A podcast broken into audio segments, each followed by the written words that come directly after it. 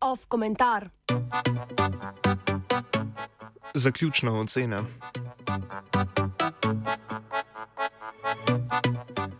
Letos je v Nemčiji potekalo super volilno leto, v katerem so pet volitev v državne parlamente pospremile še septembrske volitve v zvezdni parlament Bundestag. Na volitvah je socialdemokratska stranka, ki je tesno premagala krščansko-demokratsko unijo Angele Merkel, po dveh mesecih pogajanj dosegla koalicijski dogovor z zelenimi in liberalno nastrojeno svobodno demokratsko stranko. Jutri bo na glasovanju v Bundestagu kot četrti kancler od Združitve Nemčije potrjen dosedanje nekdanji finančni minister Olaf Scholz.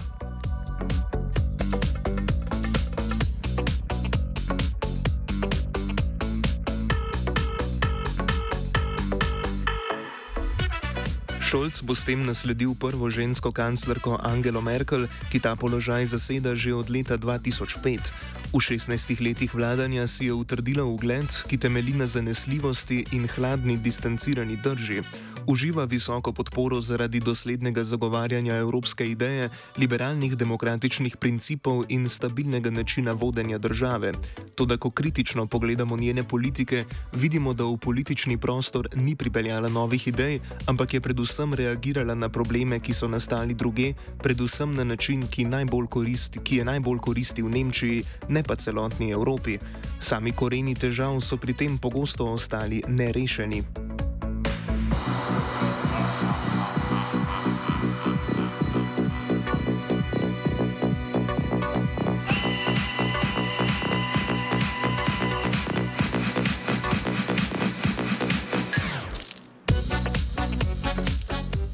Glavni primer slednjega pojava smo videli začetek prejšnjega desetletja, ko se je Grčija izkazala za nezmožno poplačati državne dolgove.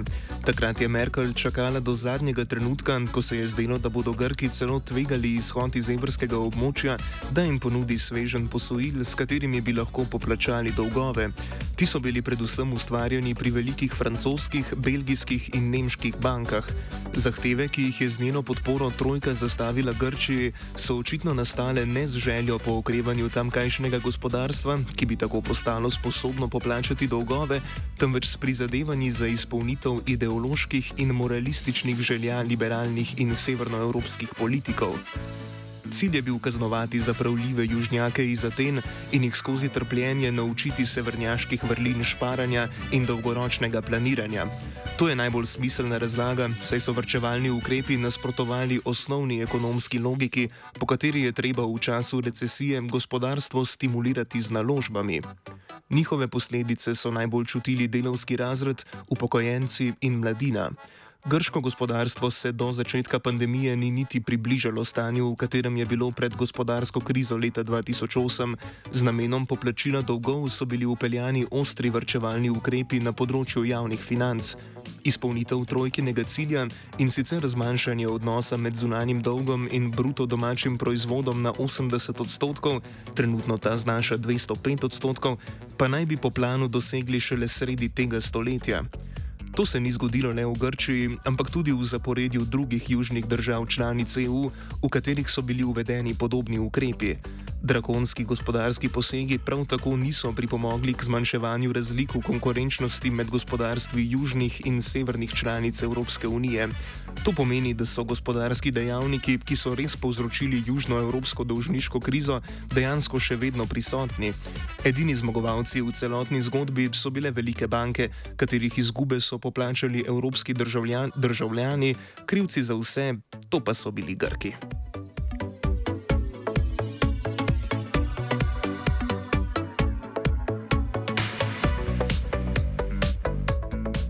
To se navezuje na drugo kočljivo tendenco nekdanje kanclerke in sicer, da na prvo mesto vedno postavlja nemški interes, s tem je seveda mišljen interes nemškega kapitala, pogosto na račun skupnega interesa njenih zaveznic ali, bog ne daj, evropskih vrednot in solidarnosti.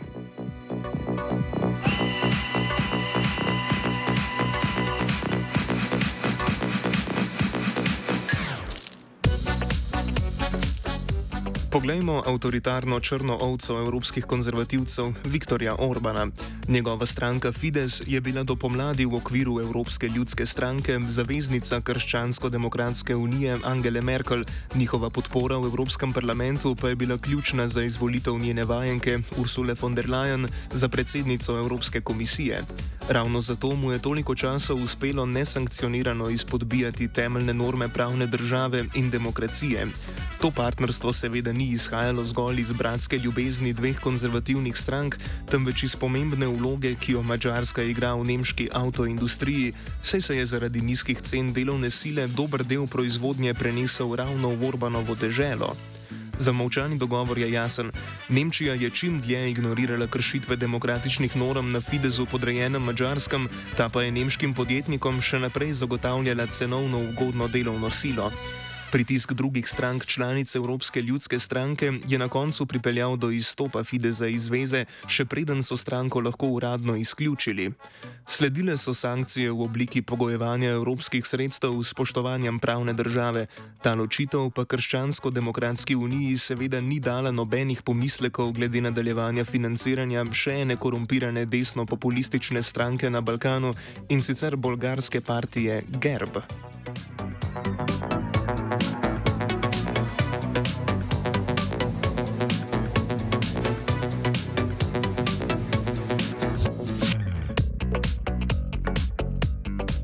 Ostanimo na vzhodu in se dotaknimo še enega področja, na katerem Merkel, ki sicer slovi po iskanju skupnih točk, ustraja pri interesu lastne države - plinovodu Nord Stream 2. Ta povezava teče pod Baltskim morjem, Rusiji in Nemčiji pa omogoča trgovino s plinom brez prečkanja ozemlja Ukrajine, Belorusije in Polske.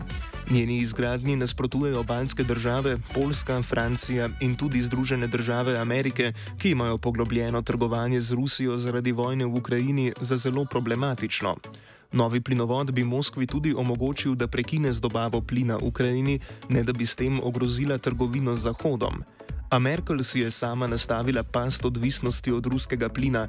Nemčija se je ob prehodu v nizkooglično gospodarstvo, poleg obnovljivih virov energije, morala če dalje bolj zanašati na zemljske pline.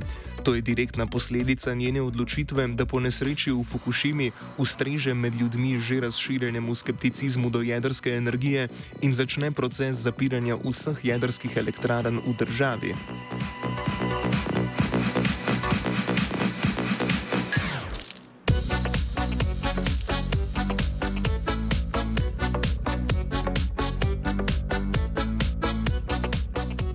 Glavno, kar lahko zamerimo Angeli Merkel, pa je to, da v bistvu ni imela nobene vizije, kakšna naj bi bila Nemčija, Evropa ali ne na zadnje svet. Vsakeč, ko je imela priložnost, da kroji lastno politiko, od ameriškega spora s Kitajsko do globalnega segrevanja, smo videli le mlačne zaveze k ustaljenim normam in principom, ne pa kaj veliko inicijative. Edina odločitev, ki jo lahko res označimo za pogumno in načelno, je bila ta, da je Nemčija leta 2015 sprejela več sto tisoč beguncev iz Sirije, Bližnjega vzhoda in Severne Afrike. Le da se je tudi pri tem zalomilo in sicer pri predlogu porazdelitve beguncev med državami članicami Evropske unije. To je direktno pripomoglo k usponu desnih populistov v Združenem kraljestvu, v vzhodnji Evropi in ne nazadnje tudi v Nemčiji. Evropa pa se je bila po propadu skupne rešitve prisiljena s Turčijo dogovoriti, da bo njihova vlada v zameno za nekaj milijard evrov preprečila prehod še večjega števila prebežnikov z turškega na evropsko ozemlje.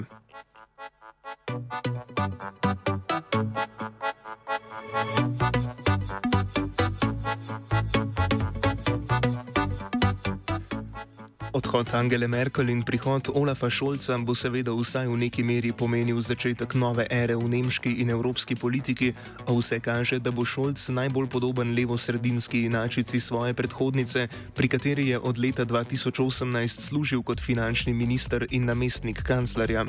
Koalicijska pogodba, sklenjena z zelenimi in liberalci, vlado zavezuje k zgodnejšemu zaprtju termoelektrarn in sicer leta 2030 na mesto leta 2038 in k odločno liberalni finančni politiki, ki bo v njegovi vladi pod nadzorom svobodnih liberalcev.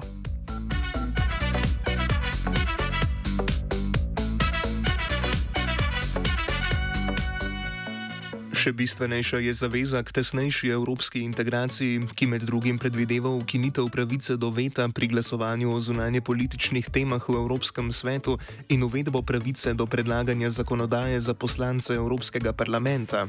Njen končni cilj pa naj bi bila celo zvezdna evropska država.